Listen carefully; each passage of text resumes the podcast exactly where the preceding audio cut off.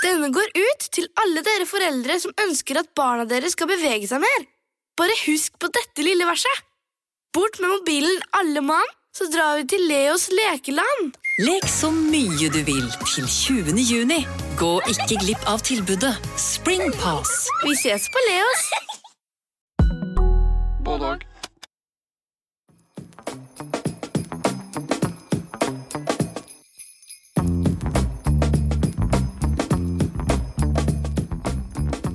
At forfattere ofte bruker seg selv eller sine egne minner når de skriver, er ikke akkurat noe nytt. Men når det kommer til denne boka vi skal snakke om i dag, 'Detaljene' av svenske Ia Gjenberg, er det selve grunnmuren i fortellingen.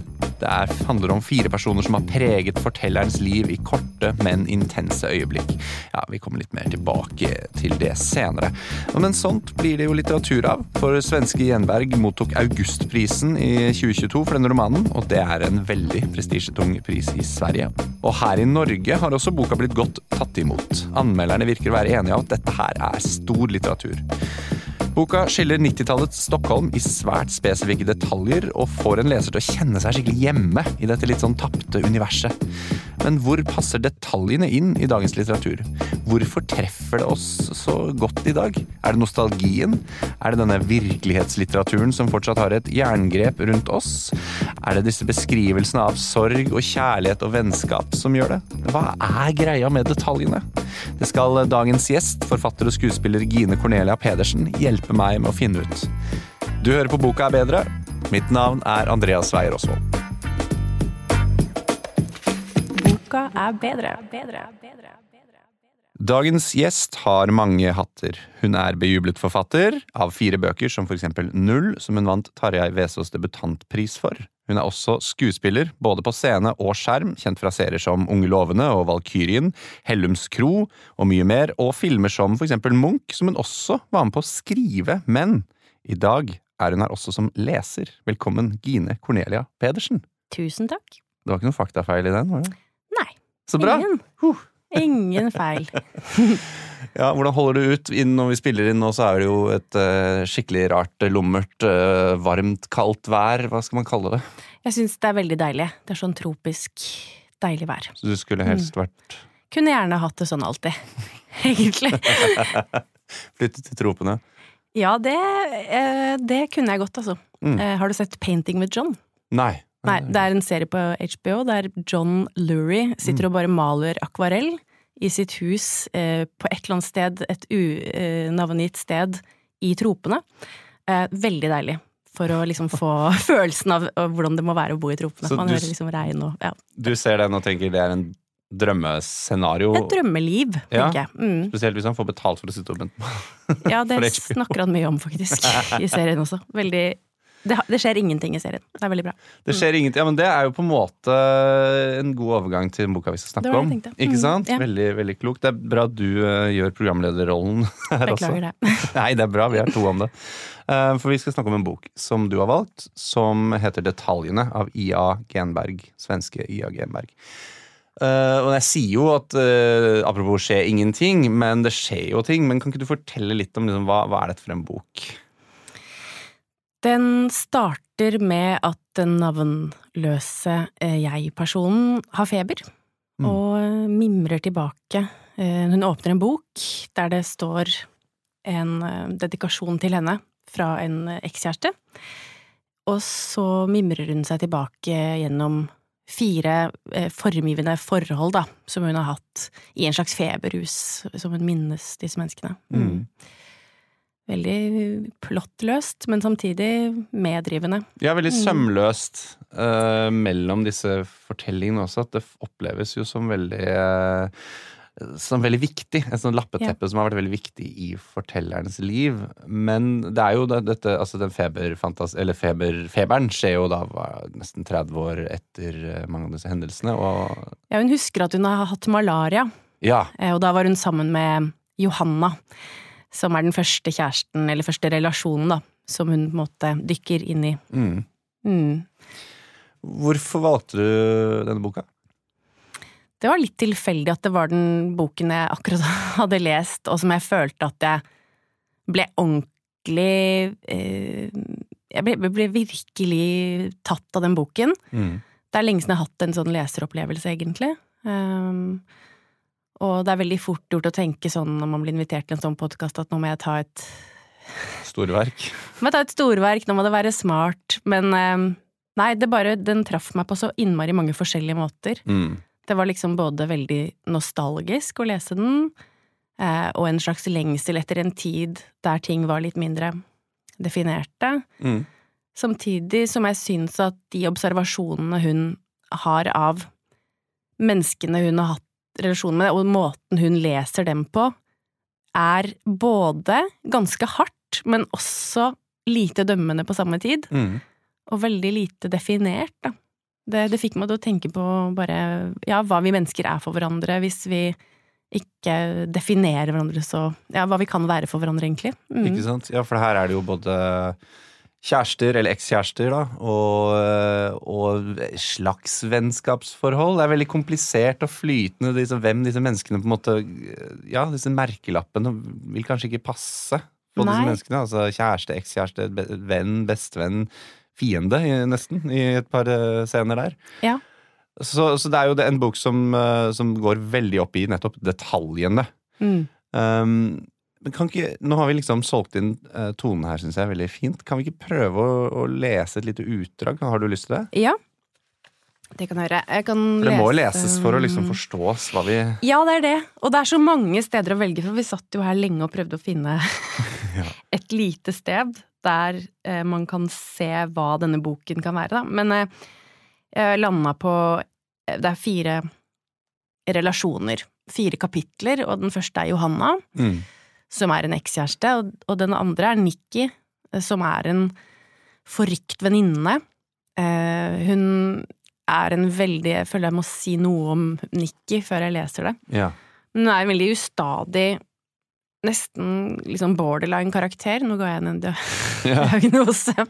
Borderline, det kan Eh, ja. Liksom en, en person som er veldig uforutsigbar, rasende, men også høyt intelligent, spennende vesen som man ikke helt hvor, vet hvor man har, og det virker som at denne navnløse hovedpersonen, som kanskje man kan kalle Ia Jenberg, Mm. er eh, veldig fascinert av henne fordi hun er på diametralt forskjellig fra henne selv, at hun får være med henne inn i en verden hun kanskje ikke kan delta i uten hennes eh, grenseløshet, da. ja, ikke sant? Og da eh, beskriver eh, hun hvordan Ja, jeg, leser bare.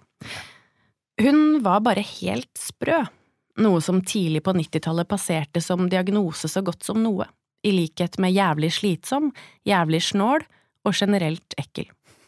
På mange måter var alt enklere da. Uttalelsene var subjektive og basert på egne erfaringer, på det som oppstår når mennesker møtes, men betegnelsene var dunkle og enkle. Sprø, hva betyr det egentlig, annet enn evnen til å terge folk til vanvidd og rokke ved deres verden? Ja, det er en Ja. kort liten passasje, men um... Fin liten eh, Det er jo Altså, dette er jo et veldig intenst kapittel uh, med denne Ja. personen, og som du, jeg syns du sa det så fint at på en måte eh, De er jo diametralt uh, forskjellige, og det er det flere karakterer som står veldig sånn i motsetning til jeg-personen, som er veldig ordentlig, veldig sånn ryddig. Litt sånn nedpå, kanskje. Litt sånn, eh, Gjør ikke så mye ut av seg. Hun forsvinner jo på en måte litt i narrativet. også. hun forsvinner kanskje litt i de menneskene rundt seg. Ja. Mm. Det er et annen liten passasje som jeg gjerne vil finne etterpå, som handler Ja. om det. Om det at den vi er, er egentlig bare et avtrykk av de menneskene vi har gnidd oss mot, eller noe sånt. Mm. Som jeg syns var utrolig fint sagt, og egentlig veldig ærlig, og kanskje vanskelig for mange å innrømme, da. Mm. At det er en ting i tiden å være veldig seg selv, å være veldig seg selv, og alt, sånn har man alltid vært. Men Mm. man er jo formet av de relasjonene man har hatt, og jeg syns hun snakker bra om det å liksom ha kanskje en litt svak jeg-identitet, som lar seg forme av de menneskene hun er sammen med, da. Mm. Eh, Det fascinerte meg veldig, og kjente meg ganske igjen i den måten å gå opp i relasjoner på. Så det kanskje var liksom en, ja, en slags lengsel etter en tid der det, der det var litt mer vanlig å bare flytte inn til hverandre etter sånn to dager.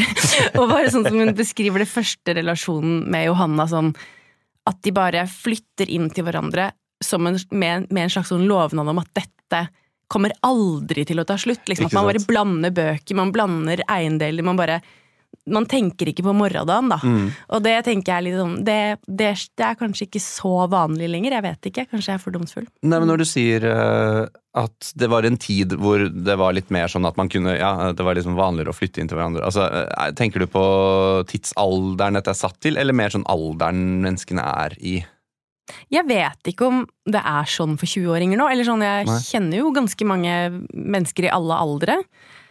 Jeg føler at folk har litt mer, tenker litt mer på konsekvensene nå. Ja, og det er jo ikke så veldig rart når man har så mye informasjon om hva konsekvensene vil bli. Mm. Bare ta røyking som et eksempel, da. Ja. Kan man røyke? Kan man røyke hvis man vet all... Nå kom det akkurat noen nye kostholdsråd. Ikke drikk alkohol. Ja, Og så blir det sånn, hva slags verden kan, kan man leve i en verden der man ikke kan ha noe som helst form for rus fordi det er litt kreftfremkallende, liksom? Jeg bare mener Da passer i hvert fall ikke denne boken inn i den verden, tenker Nei, jeg. nei. Denne boken er en helt annen virkelighet enn det som blir presentert gjennom liksom Hvis du står opp fem, mediterer eh, fire ganger daglig, løper en mil og spiser bare grønnsaker, da Mm. blir du lykkelig og glad. Og dette er jo, det er jo sparken en åpen dør, men det er liksom helt seriøst to forskjellige virkeligheter. Ja, ja. Eh, og, og det syns jeg var litt sånn jeg, bare, jeg, jeg, jeg følte at jeg fikk kontakt med virkeligheten Mm. Av, å lese den boken. For For jeg kan veldig lett glemme at denne verden også fins, liksom. Mm. Ja, og det er jo ikke så lenge siden den fantes. Altså, Vi er jo vant til når vi leser sånne veldig sånn tidsportretter, så er det på en måte 50-tallet eller 70-tallet Ja. eller 20-tallet, men her er det jo faktisk 90-tallet, gjennom Ja. 90-tallet. Uh, og, og, og det at det føles så liksom så, På en måte fjernt, da, eller så liksom sånn st fastsatt i en sånn Det var den tiden, denne boblen. Sånn så det ut, og sånn lukta det. Det er ganske imponerende fått til, da. Det er veldig imponerende fått til. Og jeg tenker sånn faktisk at det bare er å ta en togtur ned i Europa, Ja. så er man der igjen, liksom. Ja. At det, det er ikke så Det er kanskje ikke en annen tid engang. Det er bare at vi fins i en egen virkelighet.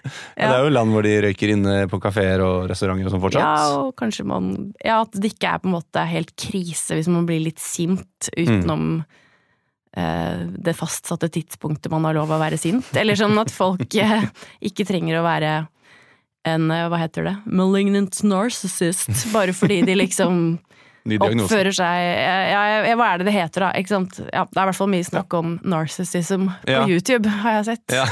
Eh, og klart at det er bra at det blir mer ja, jeg vet ikke, fokus på psykisk helse og alle sånne ting, men, Mm. men det er veldig fort gjort å liksom glemme kompleksiteten mennesket innehar, da. Mm. Mm.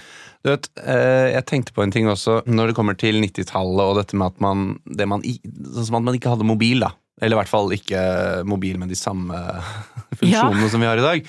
Så tenker jeg på det, nok, det som nok er min uh, favorittscene, eller sekvens i denne boka, er jo når, når jeg-personen, når denne Nikki, som eh, eh, du leste litt fra her, uh, hun forsvinner jo til eh, Galway i Irland. Ja. Eh, med en, en ny kjæreste, en sånn ny flamme, og det er heseblesende kjærlighet. Og så, så får da hun, eh, jeg-personen, en sånn forespørsel av eh, Nikkis foreldre om kan du dra og få tak i henne, for vi får ikke tak i henne, og, og moren hennes er syk. Og så bare det måten hun beskriver på, hvordan hun reiser dit helt uten mål og mening. Yes. Leter gjennom denne byen. Det er Ja. ikke en landsby, det er jo en by. ja, ja. Og liksom prøver å liksom saumfare den, I dag gikk jeg der, og, og så så jeg rundt der, og så sjekker telefonkatalogen etter et navn. Og det, det er helt sånn Og så tenker man, når man ser film litt sånn fra, fra den tiden, så tenker man nå Herregud, hele plottet kunne blitt løst hvis alle bare hadde mobiltelefoner eller Facebook. ja. Det er litt også en sånn tidskapselgreie, da. Veldig. Det er veldig mye det er veldig upraktisk alt. Men også når hun er på Roskilde det er det der, Jeg tror det er Nikki-kapittelet som starter med det. Mm. At hun er på Roskilde med en kompis som heter Danne, og så bare sier han 'jeg skal kommer snart tilbake'. Jeg skal bare på do, eller noe sånt. Ja. Og så blir, blir han borte hele Roskilde. ja. Og hun finner han aldri igjen. Nei, hun er på. Simple Minds-konsert helt alene og føler seg så ensom som man bare kan føle seg da. Jeg leste jo, eller hørte noen intervjuer med Ia Genberg, og hun snakker jo om at eh, det er jo dette hun ønsket å kalle litt fram. Denne her følelsen av at du kunne faktisk miste folk du hadde møtt Ja, eh, to, ja. dag, to dager før da, på Roskilde, og så aldri se dem igjen, og aldri vite hvordan, Rett og slett. ja, hvordan det gikk med dem. Hun vet jo fortsatt ikke hvordan det gikk med Nikki Nei. i boken. Liksom. Hun sier jo det sånn, fant henne aldri igjen. Mm, Kanskje ikke Nikki er den type som har lyst til å være på Facebook. ikke sant? Mm. Det er jo uh, veldig Det blir liksom fjernt for oss, da, som er liksom helt gjennomsyret i den. At vi kan få tak i nesten alle vi vil, når vi vil. Ja. Um, så du får litt sånn flashback til 90-tallet. Ja, og så For eksempel hadde jeg ikke penger på kortet ofte. Og da måtte jeg gå på en telefonkiosk og putte mynter på den. Og telefonkatalog er det, føler jeg ikke at det er så lenge siden man brukte, liksom. Nei. Men det er jo det. Eh, Allikevel så er det sånn Jeg tror jeg fikk med meg akkurat en flik av det livet. Mm. Uh, og jeg kan ofte faktisk ha kjent at jeg er liksom misunnelig på mine eldre venner som eh, haiket gjennom Europa og tok interrail når det fortsatt ikke var sånne nye hurtigtog. Og jeg vet ikke. Det er bare noe fritt med det, noe fint med det som jeg tror bare Som passer meg bedre, da. Mm. Kanskje som person enn en et um, helt eh, sånn velordnet eh, system. Mm. Ja. Jeg tenker På 90-tallet så tenker jeg ofte sånn ja, Det er grunge, det er alternativ rock. Det er liksom For meg som var barn, så er det Pokémon og liksom Ja, de jeg 90-talls gikk liksom glipp av Pokémon, da. Ja, du gjorde det, ja. ja. Jeg Ja. fikk ikke med meg det. Jeg var liksom akkurat litt for stor for det. For vi er fire, det er fire år mellom oss. Så vi har Mm. funnet ut at vi har, det, er sånn, det er fire veldig viktige år. da Det er faktisk det, altså. Fordi det er det der, eh, Så du husker jo 90-tallet på en annen måte enn meg, tenker jeg. Jeg føler jeg husker de tingene gjennom søsteren min, som er fem år yngre enn meg. Så jeg fikk liksom et innblikk i Eller sånn jeg ser de gjennom henne. Sånn Ja, alle de minnene som Du snakker om Pokémon og alle de tingene. Det, det var liksom bare en sånn ting jeg så på. mm. Men jeg, jeg var liksom litt midt mellom. Eh, den kanskje Den haikegenerasjonen mm. og eh, som Ia Jenberg tilhører, da. Mm. Og ja, det er jo den derre litt sånn kjipe 90-tallsgjengen som liksom både hadde litt mobil, vi, hadde liksom uflaks med stilen som var inn da, Ja. eh, men nå er det jo inn igjen, da. Så det kunne jeg aldri eh, trodd. Sånn, altså, kan du beskrive At man så jo ikke ut, liksom. Man hadde akvalenesveis, eh, bukser ned på hoftene og stringtruse over, og buffalo-sko. Og magetopp. Men Ja. så er det jo sånn folk går nå, og da blir jeg sånn at det skulle skje, ja. Ja, det. Men jeg trodde vi var så uheldige. Eller sånn, jeg tenkte sånn så uheldig at det var dette vi fikk, på en måte. At det var aqua Ja. og sånn. Jeg Mm. føler at jeg også har vokst opp med liksom, mine foreldre som var uh, unge voksne og ungdommer på 80-tallet. da, sånn rundt der, Og de sånn der, de skjønte ikke hvorfor 80-tallsestetikken liksom gjorde et comeback da, Nei, ja. for sånn 15 år siden. det Hvordan, var. hvorfor? Hva- Dette, vi syns jo alltid dette var så stygt i ettertid, og sånn, så bare ja, nei, men Folk plukker jo opp det, da. Og, Ja. Så nostalgi, det er, det er noe det er litt sånn, litt sånn mektig og overmannende med Ja, hele virkelig. Men jeg føler også Ia Jenbergs generasjon, da, hvis Ja. jeg kaller det foreldregenerasjonen vår, da. De er jo nostalgikere. Jeg Mm. føler jo det. At det er sånn Jeg tror de aldri kommer til å bli kvitt den derre Sånn burde det alltid være. Ja, det tror jeg liksom- du har rett i. At de elsker sitt eget ungdomsliv så mye at de kunne gå og se liksom Bob Dylan Mm. spille på Norwegian Wood, og liksom bare Ting var bare sånn mye bedre før, da. Og jeg er jo på en måte enig med dem, men samtidig, jeg er jo midt mellom der. Så Men når, altså om, la oss si 15-20 år, da. Du, tror ikke, du tror ikke vi altså, kommer til å bli sånn? Sikkert. Ja. Men jeg prøver Hva er det vi liksom- ser tilbake på da, liksom? Ja, det er det. Jeg prøver å Det det. kan vi jo ikke vite. Men jeg, bare, men jeg, men jeg syns det er viktig å ha sånne tidskapsler som denne Ja. boken er, da.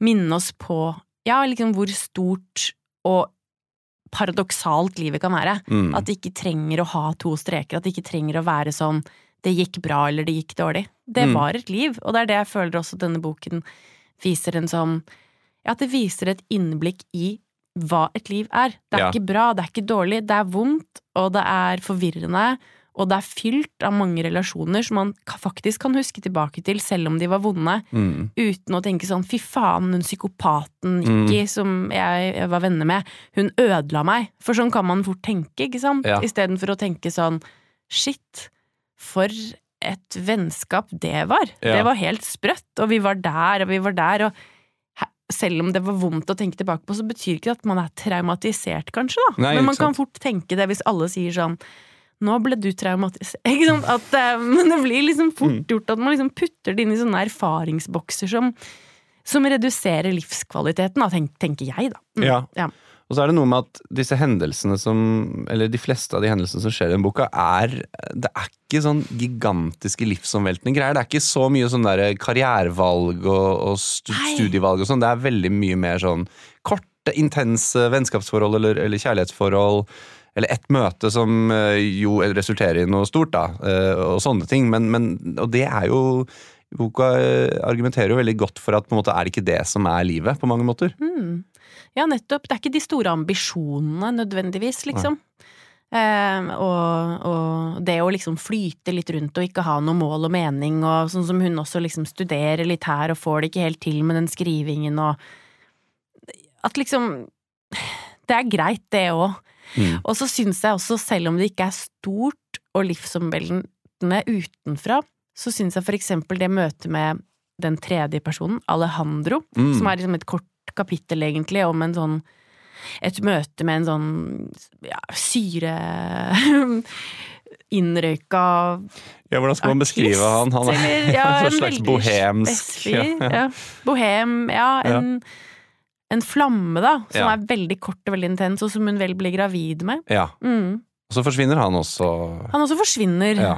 Men det jeg syns eh, at, at det at hun har et øye for de detaljene og de, de øyeblikkene som oppstår, Mm. at de faktisk blir så store at det er rikdom, da.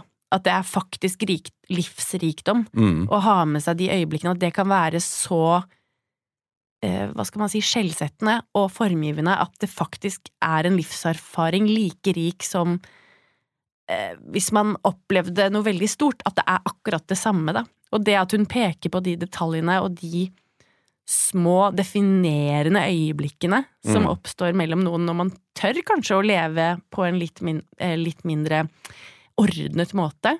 Eh, nå, nå vet jeg at jeg høres litt sånn dømmende ut overfor det ordnede, men bare, det er liksom ikke mulig å ikke sette det litt i kontrast til det, da. Ja.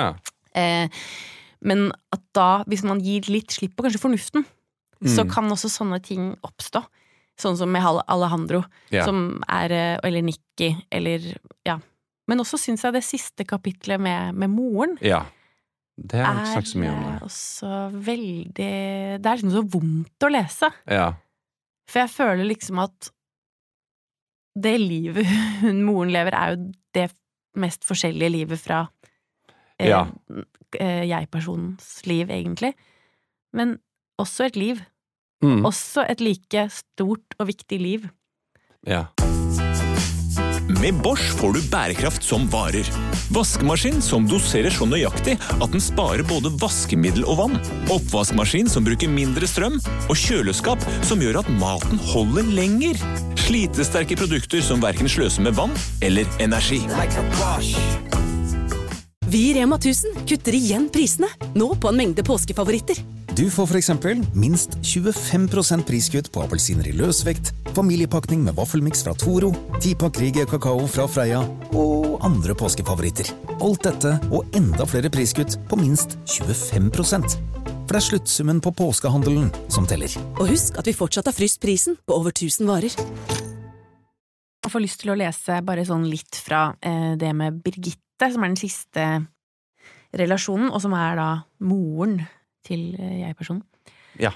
Hun var ikke et individ på den måten 80-årene og alle etterfølgende tiår i Vesten krevde. Det unnvikende ved karakteren hennes ble åpenbart, og jeg tror hun ble betraktet som glatt og uinteressant. Antagelig var hun også uinteressant. Antagelig var det vanskelig for omgivelsene å huske om hun hadde vært på en tilstelning eller et møte. Var Birgitte på festen på fredag? Det var umulig å huske. Hvis da noen kom på å spørre sa Birgitte noe på møtet i går? Vanskelig å svare på. Vanskelig å huske. Var hun i det hele tatt der? Ingen kunne erindre verken det ene eller det andre. Da fellesskapene gikk i oppløsning og folk forsvant inn i sine priva private liv, ble Birgitte liksom stående igjen, ute av stand til å ta noe initiativ eller innta standpunkter på egen hånd. Hennes streben etter å passe inn og unngå friksjon tilintetgjorde den delen av henne der en personlig karakter skulle ha sittet, med vilje og fasthet og ryggrad, med en egen bust. Nå var bare engstelsen der, vibrerende, overfladisk, hakkende og kvernende, det eneste av Birgitte som egentlig var synlig utenfra. Litt sånn nådeløst portrett. Det er jo det. Det er jo det. Man kunne kanskje aldri skrevet det hvis personen levde. Nei, det kan man Nei. Mm. um, altså, nå er det jo sånn at vi skal alltid være forsiktige med å anta forfatterens rolle inni dette her og sånn, men, men um, jeg vet jo det at Ia Gjenberg, sier Gjenberg for det er vel svensk, hun uh, har jo selv sagt at skrivingen hennes av denne boka ble faktisk uh, kom fra en, uh, altså en feber. Ja. En sånn feberepisode hvor hun da fant en bok som det sto en hilsen i. Så hun har jo da i hvert fall opplevd det. Ja. Og det skrives jo veldig nært til en pers jeg-person, så man kan jo Det kan jo ses på å være en, en slags gren av virkelighetslitteraturen. ja, På en måte, jeg vil da. anta det. Eller sånn, Ja. det er såpass Jeg vet ikke hvordan jeg kan se for meg fristilt fra henne, men eh, det skal jeg være åpen for at eh, er mulig, da. Ja. Mm. Og nå har vi jo snakket om dette med merkelapper og det ordnede og sånn, men hva tenker du om den, liksom, den branden der, det der en virkelighetslitteratur?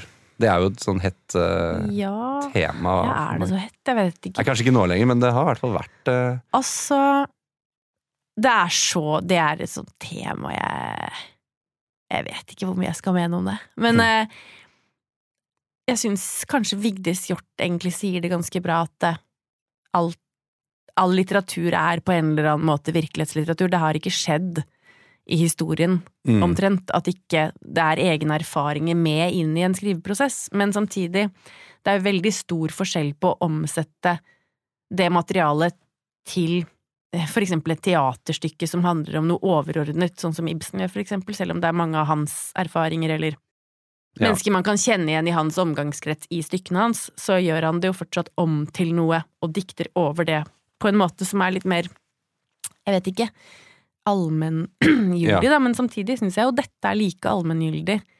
Om hun har da hentet de erfaringene fra sitt eget liv, Ja. så er det jo fortsatt allmenngyldig for oss og knytter oss til verden på en måte som jeg liker veldig godt. Samtidig kan man tenke at det er hensynsløst overfor omgivelsene. Når jeg for eksempel leser om Johanna, ja. eh, så tenker jeg sånn Jeg elsker å lese om Johanna. Jeg skjøn, ser også at hun sier my like mye om seg selv når hun skriver om Johanna. Hun kan jo bare se Johanna fra sitt blikk, men Mm. samtidig tenker jeg hadde jeg vært Johanna, hadde jeg jo blitt ja. Følt glad. meg em, Utlevert. Kanskje hevnet. Kanskje det er en slags sånn Det er en slags hensynsløshet i en sånn type utlevering. Mm. Jeg personlig eh, syns at det går bra etisk sett. Jeg syns at man kan At man gjøre kan- de tingene, Ja. fordi at man ser det gjennom sine briller. ja. Og, eh, men jeg kan også se at det kan ramme andre på en måte som gjør dem forbanna, Ja. og, og kanskje også føler seg ekstremt krenket, da. Mm. Så jeg, er ikke noe sånn, jeg har ikke noe to, to streker under det svaret, liksom. Men Hvis det sånn som det, i tidligere, det har jo tidligere blitt mye debatt rundt sånn um, Sånn Knausgård, da, for eksempel, som er det åpenbare norske eksempelet. Med at, Eller eh, Vigdis Hjorth. Eller Vigdis Hjorth, ja, ikke sant. At man begynner å grave i forfatterens liksom, mm. fortid på en sånn Finne ut hvem er denne personen som portretteres. Altså, ville du, Hvis det ble en debatt da, for eksempel, om hvem er egentlig Johanna? Fordi Johanna i fortellingen her er jo blitt en En kjent offentlig person. offentlig Mm. person i Sverige. da, og så Hvis vi går ut fra at dette er basert på virkeligheten, Da vil jo veldig mange rundt Ia Jenberg vite. ja. Men ville du liksom, hva, hvordan ville du tenkt om en sånn debatt, da, hvis det ble liksom en debatt om sånn, ja, hvem er det, eller at folk drev og snakket om hvem, hvem tror du det er, og sånn. Er det konstruktivt for litteraturen, eller er det bare sånn Hmm. teit? Ehm, jeg tenker at det ikke er noen diskusjon man ikke kan ta, eller sånn hvis det er noen som blir veldig krenket av det, eller det er noe som gjør at noen føler seg utlevert på en dårlig måte, så tenker jeg at det, det er jo viktig å ta diskusjonen om ting er etisk riktig eller ikke. Mm. Jeg øh, Jeg vet ikke om jeg skal mene så mye om det, men jeg, jeg tror at uansett uansett om man kjenner noen som skriver, eller Og det har jeg sjøl opplevd også, liksom Ja, at man tolker seg selv også veldig inn i materialet noen du kjenner skriver, da. Aha, ja, og og at eh, man kan føle seg utlevert uten å være det. Har i hvert fall jeg opplevd selv. At jeg kan være sånn hæ, er det Men, jeg, for jeg kjenner meg, men det kan jeg også gjøre i veldig mange andre spøker. Mm. Så jeg tror, kjenner man noen som skriver, så vil man på en eller annen måte, måte bli litt fornærma Mm. en eller annen gang, da. Mm. Eh, og det mm, tenker jeg at man kanskje som forfatter må stå litt i, da. Mm. Det er en, eh, en, som, en forfatter som heter Thomas Pynchon, som jeg er veldig fan av. Som eh, eh, en, venn, en venn av han sa det at um, writers devour people.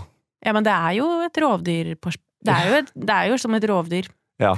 Det sa faktisk en venninne av meg også. Hun sa sånn, det er, det er et sånn rovdyraktig eh, Det er noe rovdyraktig med forfatteren. Ja. Hun er forfatter selv også, da. Ja. Men eh, hun sa det, og så tenkte jeg fy søren, det var bra sagt, og det er sant. Det er jo det. Mm, det er jo det. Og det er jo flaut selv, fordi man er jo også en del av det. Altså, jeg også gjør jo det. Og, får du, som forfatter, får du, eh, blir du konfrontert med sånn Ja, er det basert på noen i ditt liv? det har jeg liv? hørt mange ganger. Hvordan Mm. responderer du på det? familiemedlemmer eller sånt som kan si sånn 'Å ja, er det meg? Er det meg?' Og så er det sånn Hadde jeg faktisk ikke tenkt, at, tenkt på den personen inni det engang. Eh, og det får meg til å tenke at ja, men ok. Det Fordi man, man som forfatter Eller jeg gjør Mm. det, i hvert fall. Tenker aldri at jeg skal utlevere noen når jeg Nei. skriver. At jeg skal hevne meg på noen, eller Jeg tenker heller at denne situasjonen er god. Mm. Eller denne Dette jeg observerer med det mennesket Mm. det er ikke om det mennesket, det er en tendens som jeg har sett gå igjen blant mange, og meg selv. Mm. Og at liksom jeg lurer på hva er det? Hvorfor gjør vi sånn? Hvorfor sier vi sånn til hverandre? Og så skriver jeg det for å se det spilt ut. Mm. Det er for å forstå mekanismer, da, heller Ja. enn å si sånn 'oi, den personen sa noe stygt til meg en gang', da skal jeg skrive om det i en bok', liksom. Så du har ikke Eh. falt for fristelsen å liksom, hvis du har fått en dårlig anmeldelse eller noe, bare skrive en sånn veldig dårlig, skjult anmelderkarakter som er skikkelig dust? Altså, jeg skal ikke utelukke det. Eh, At det har skjedd, eller at du kommer til å Nei, gjøre at jeg kommer til å gjøre det. ja, ja. Altså, det er jo bare litt gøy. Ja. Jeg tenker sånn eh, Synne Sund Løe snakker om koreansk hevnkunst. Eh, og at det er en altså, i, I Korea eh, er, er hevn en, en kunst, da. Og at man burde hevne seg eh, på sånne subtile, gode måter, da, som ikke er sånn Kanskje gjør at den personen Men at det er, det er en kunst å hevne seg. Så at man har det derre hevnbehovet, det, det er veldig ikke i tiden. Aha. Men det, det tenker jeg sånn Det må gjøres på en veldig sofistikert måte i så fall. Men Mm. det hadde jo vært spennende å bare noen ganger Ja, i hvert fall tenke seg den tanken. Er, det er nok, kanskje. Ja. Mm, Å tenke sånn, «Men det kan jeg. Men eh, jeg har faktisk aldri gjort det, altså. Nei, men da utelukker vi ikke at du gjør det, Gine. Nei, det er bare sånn Det er en beskjed til alle anmeldere der ute. Ja, Pass på. akkurat som om det er noen trussel, liksom. Å nei, da kommer hun til å skrive en dårlig anmelderkarakter. Jeg tror ikke det skremmer noen. Jeg tror ikke det skremmer noen. Nei, ja, vi får håpe. Men ehm, så, så hadde du Dette er jo skrevet ut fra et veldig sånn spesifikt minne, denne boka her. Det starter jo selvfølgelig, som vi har snakket om, med dette, denne feberen, og så denne boka hun finner som er skrevet, og så utløser det en sånn skikkelig kick av minner, da. Og det Mm. samme har man jo sett i Prost sin sånn uh, sporan, På sporet av den tapte tid. Uh, med denne Madeleine-kaken, er det vel man kaller det. Altså, Ja. det er sånn, der tar han og dypper en eh, sånn liten sånn Madeleine-kake eller Madeleine-kjeks, eller hva det er for noe, og så tar han, tar han en bit, og så Er det starten på Ja. tolv bøker? Ja, noe sånt. Ja. Okay.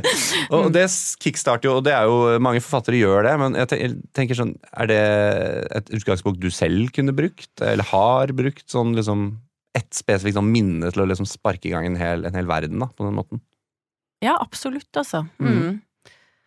Det skjer ofte. Mm. Men er det, er, er det minner du går til da, eller er det bare Er det en, en scene som ikke nødvendigvis er selvopplevd? Det kan være et trekk av en røyk eller noe som min, akkurat da smakte det sånn, og da minner det meg om noe sånt. Ikke sant? At Ja. det, eh, jeg kan liksom ikke si sånn ja, det var den eller den gangen, men, mm. men jeg husker faktisk eh, eh, det, det første jeg skrev i null. Mm. Det var fordi jeg satt på Kakadu, og så var det veldig varmt. Så satt jeg liksom i solveggen der med en øl, og så bare Og så bare kom det en scene til meg Mm. Som bare var sånn jeg så for Det var bare en dagdrøm, liksom. Så tenkte mm. jeg bare skrive akkurat ned hva denne dagdrømmen er. Og så ble det liksom de første ordene i den boken, da, som er liksom yeah. at det er sommer på sykken, og de sitter i solveggen. Mm. Eh, og så bare så jeg for meg en hel sånn scene som jeg bare syntes var utrolig festlig. Det var bra du hadde noe å notere med. da. Man må alltid gå med notatbok. Da hadde jeg jo ikke smarttelefon, så da måtte jeg ha notatbok. Mm. Um, er dette en bok som er typisk for det du pleier å lese, Ine? Jeg eh, leser veldig mye forskjellig, eh, men jeg liker veldig godt denne typen bøker som ikke nødvendigvis er sånn en handling som er veldig tydelig eller klar. Jeg trenger liksom ikke nødvendigvis det, da. Mm. Jeg liker veldig godt assosiativ litteratur, og ja, denne syns jeg var eh, Den snakka til meg på, på grunn av alle de tingene vi akkurat har snakket om, Mm. at jeg syns den eh, er så paradoksal, og at eh, alle de menneskene er snille, slemme og eh, forvirrende, og jeg blir så nysgjerrig på mennesker Mm. igjen. Når jeg Ja, jeg kan fort havne i den samme fella at jeg liksom definerer virkeligheten veldig sånn firkantet, og, og, og kan liksom tenke på vonde minner og sånn, og tenke at det var skikkelig ødeleggende. Men jeg Mm. syns det er fint å tenke at eh, når man tenker tilbake på livet sitt, at de erfaringene nettopp er en del av livet ens, da. Ja. Som erfaringer. Trenger ikke å liksom, Man trenger nødvendigvis ikke farge det på en måte som er sånn dårlig Mm. minne, bra minne. Det er minner. Det Ja. er liksom en slags Jeg syns også det er en sånn um, En litt sånn guddommelig måte å se verden på. Mm. Eh, en sånn zen-måte å se verden på, Ja. Som hun har i denne boken. En sånn en observatør som ser, Ja. og som ikke dømmer det hun ser, men hun ser det, og, og, og, det, og det er som det er, ja. liksom. Det er liksom ikke en moralsk fordømmelse av Nei. personer eller uh... Og det er jo veldig mye bra litteratur som er sånn, da. Ja. Eh, Det, det, det er jo veldig lite bra litteratur som er sånn Som er sånn. Men, Ja. eh, men, eh, men jeg syns hun klarer å beskrive egentlig veldig vanskelige følelser og ting på en ekstremt presis måte, Mm. som åpner veldig mange tanker og assosiasjoner i leseren, i hvert fall i meg. Ja. Mm, ja. Og så er det jo det er menneskene i fokus. Det føles jo litt mer sånn Ja. Ja, altså litt mer sånn personlig, når det er på en måte Det er en bok om mennesker, ikke nødvendigvis om liksom store, rare systemer eller hendelser eller eh, Hun sier veldig mye om seg selv gjennom det hun sier om andre. Ja. Det er gøy. Hun sier veldig lite om seg selv, egentlig. Prøver å gjemme seg. direkte. Hun gjemmer seg Mm. bak, ja, og det er jo litt sånn um ja, rovdyraktig. At hun sitter og Jeg kan også tenke det noen ganger når jeg uh, I Johanna-delen. Mm. At det er en sånn Det er jo på en måte et slags hevnblikk, fordi det er jo en som sitter stille, ser på noen som beveger seg veldig mye, Mm. lar den personen si og mene og være, Ja. og så bare liksom Og ikke klare å adressere det der og da, Mm. men får en klarhet mange år senere, og så setter ord på det, da. Mm. Så jeg kan jo forstå at det sikkert kan virke litt sånn eh, dårlig for den personen som Blir blir portrettert, eller ja. Ja, jeg hadde nok blitt Hadde Johanna vært meg, så hadde jeg sikkert Men samtidig syns jeg Johanna minner om så mange forskjellige mennesker. Det føles ja. som det er mange forskjellige mennesker inn i én person. Det må jo være derfor. Altså, den har jo vunnet den mest prestisjefulle prisen i, i Sverige, Augustprisen i 2022. Så det er jo klart at den har resonnert med veldig, veldig mange mennesker. Og, så det er jo åpenbart det du sier, at det, det må jo være mange som kjenner en Johanna, eller kjenner en som kjenner Johanna. Altså det er disse arketypene av menneskene dukker opp i folks liv, da. Ja. Uh, hvis, liksom, hvis det kommer noen til deg og spør om, uh, spør om en bokanbefaling, så kan man jo tenke at man har lyst til å skreddersy en bok litt til en person som man kjenner den. Ja. Det, hva slags person ville du anbefalt detaljene til? Er det en person som er veldig glad i liksom, sci-fi, som kanskje det ikke treffer helt? Er det en person som er glad i Altså, jeg har faktisk anbefalt den til veldig mange forskjellige typer mennesker. Ja. Liksom, jeg, det første jeg gjorde når jeg hadde lest boken, var å sende den rundt til alle jeg kjenner som leser bøker, liksom. Ja, det er et godt tegn på at man Ja, liker den, ja, jeg var sånn. sånn, denne må du lese. Den føles så- jo ut som en mange kan like den, ja. Ja, den, den er liksom både ganske bred og smal på samme tid. Mm. Tilgjengelig, men også åpnende, og, Mm. og, og Den er jo smal, men den, den har jo en veldig Ja, og det er jo faktisk en ting som vi glemte å snakke om. Aha. At man får så lyst til å lese bøker. Ja. Fortell litt om det. Å lese boken, fordi hun har så mange litterære referanser, da. Eh, som, er, som er knyttet til de menneskene hun husker. Ja. At de leste den boken, og Paul Auster særlig. Ja. var jeg sånn, ok, i sommer skal jeg lese Paul Auster. Jeg har aldri lest Paul Auster, nå skal jeg gjøre det. Det er Så denne det er jo New nesten en sånn, York-trilogien. Mm. ja, New York-trilogien. Så det er jo nesten en sånn Jeg føler jo det er en litteratur eh, En reklame for litteratur også. Jeg slår på en helt tilfeldig side her nå, Gine, og da Ja. kommer da 'Hvis en reisende en vinternatt' av Italo Calvino. Ja, Og det er jo også en veldig bejublet eh, stor bok. Så case in point. Har jeg litteratur sant? på hver side. ikke sant? Så ja. Nei, men det Jeg føler er- det er en reklamebok for alt det som er livet sjøl, liksom. Ja. Det som er stillegående, det som er eh, Det som bare er litt sånn eh, Jeg vet ikke, en sånn sommerdag der alt er dampende og røykbelagt og levende og skittent og bråkete og samtidig fugler som synger. Jeg føler det er så mange ting i denne boken som er Mm. sånn, ja Å koble seg litt av og lese litt og bare liksom leve. Jeg Mm. veit ikke. Mm. Ja, men det er jo sant, Ja. det. Eh, Du sa noe om at uh, boka er full av eksempler om liksom, at menneskene glir litt inn i hverandre. Mm. Uh, Finner du, Har du et eksempel Vil du lyst til å lese et eksempel på det? Ja, det kan jeg gjøre. Jeg fant ikke akkurat det jeg ville finne, men Mm. det, jeg fant noe enda finere. Og det sier jo litt om hvor mye av eh, mye gull er i den boka. Det er faktisk veldig mye gull. Og det jeg fant eh, som var enda finere, det var det med å ja, se hverandre. Se på hverandre, undersøke hverandre, og det fant jeg veldig fint. Eh, lite avsnitt. Jeg har fått mer enn en full dose magi i livet mitt, og oftest i møte med andre. Det er noe der, og bare der. Jeg kan ikke være mer spesifikk enn det, enn at det er hos hverandre vi skal lete hvis vi ser etter noe. At øyenparene våre er hverandres tverrstilte kolon inn i noe, eller ut. Det syns jeg var veldig Ja. Bare les resten av boka, du, så tar jeg en pause. Ja, ja, ja. Kan jo lese hele. Mm. Det var eh, den boka, men hva leser du nå, eller hva leser du nå for tiden? Jeg er en veldig er i en veldig sånn tørkeperiode, føler jeg. Ja. Sånn litterært. Så denne boken var egentlig veldig åpne for meg. Jeg tok opp jeg, den, Og den minner meg litt jeg, jeg prøvde å lese Tuktens lykkelige år av Flør Jeggi, Jeg- Jaggi, eh, for eh, en del eh, år siden. Fikk den av en eh, kollega.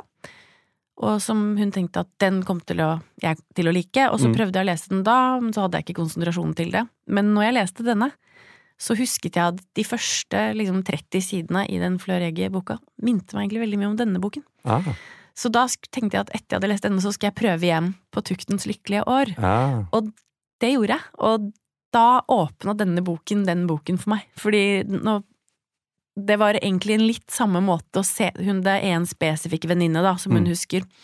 Eh, og, og fra hun gikk på en sånn pikeskole eh, i Er det Sveits, tror jeg? Mm. Mm.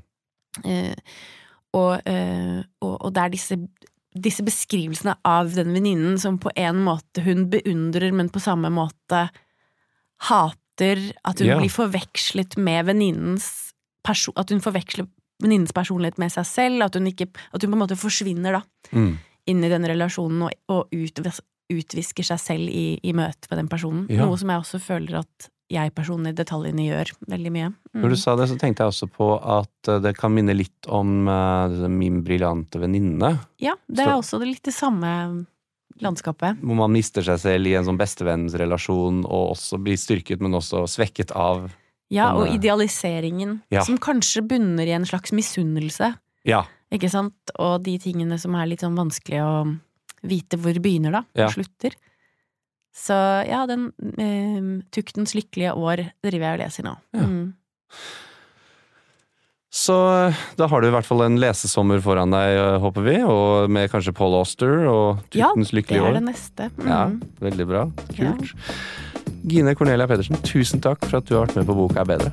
Tusen takk for at jeg fikk komme. Du har hørt på Boka er bedre.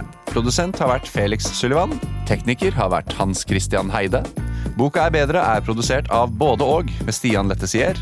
Og mitt navn er Andreas Weier Osvold.